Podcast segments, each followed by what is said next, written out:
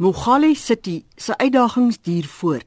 Die raad kon die afgelope weke nie die vereiste aantal raadslede by vergaderings kry vir 'n quorum om die begroting te aanvaar nie.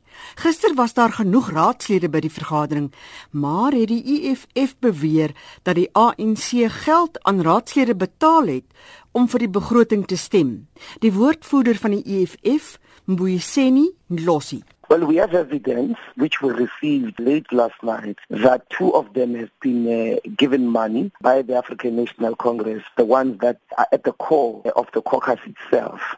We have evidence to that effect. We are uh, working on a report on them and we shall be taking disciplinary action against them. We can never be seen to reinforce corruption because to vote back the ANC is to be complicit with the kind of corruption that they have been doing for the last 23 years. Die voorsitter van die EFF aan die Wesrand, Tina Mbalala, sê die raadslede het die party en haar leierskap verontagsaam. They went there representing themselves. They were not representing the EFF. So obviously there will be consequences for their actions. They were not supposed to attend that sitting and if you uh, realize they were not even wearing the red overalls yesterday. We were looking for them. We tried to call them. They were supposed to come to the regional office. They didn't show up. Maar die ANC het die beweringe van omkopery as 'n leuen bestempel.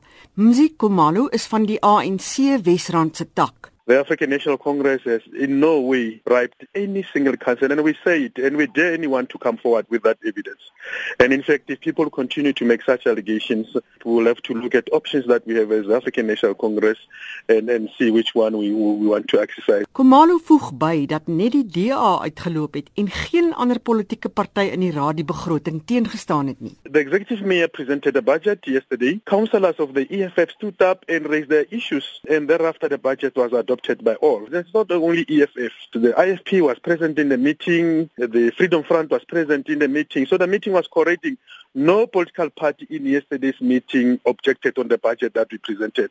So do you want to say to me that uh, even the other parties have been bought? No. We never even had a meeting to say help us to do this and that. No. Die Mogale City Raad van 77 setels het die meerderheidsstem nodig om die begroting deur te voer. Die ANC het met 38 setels net een stem nodig gehad om die begroting aanvaar te kry.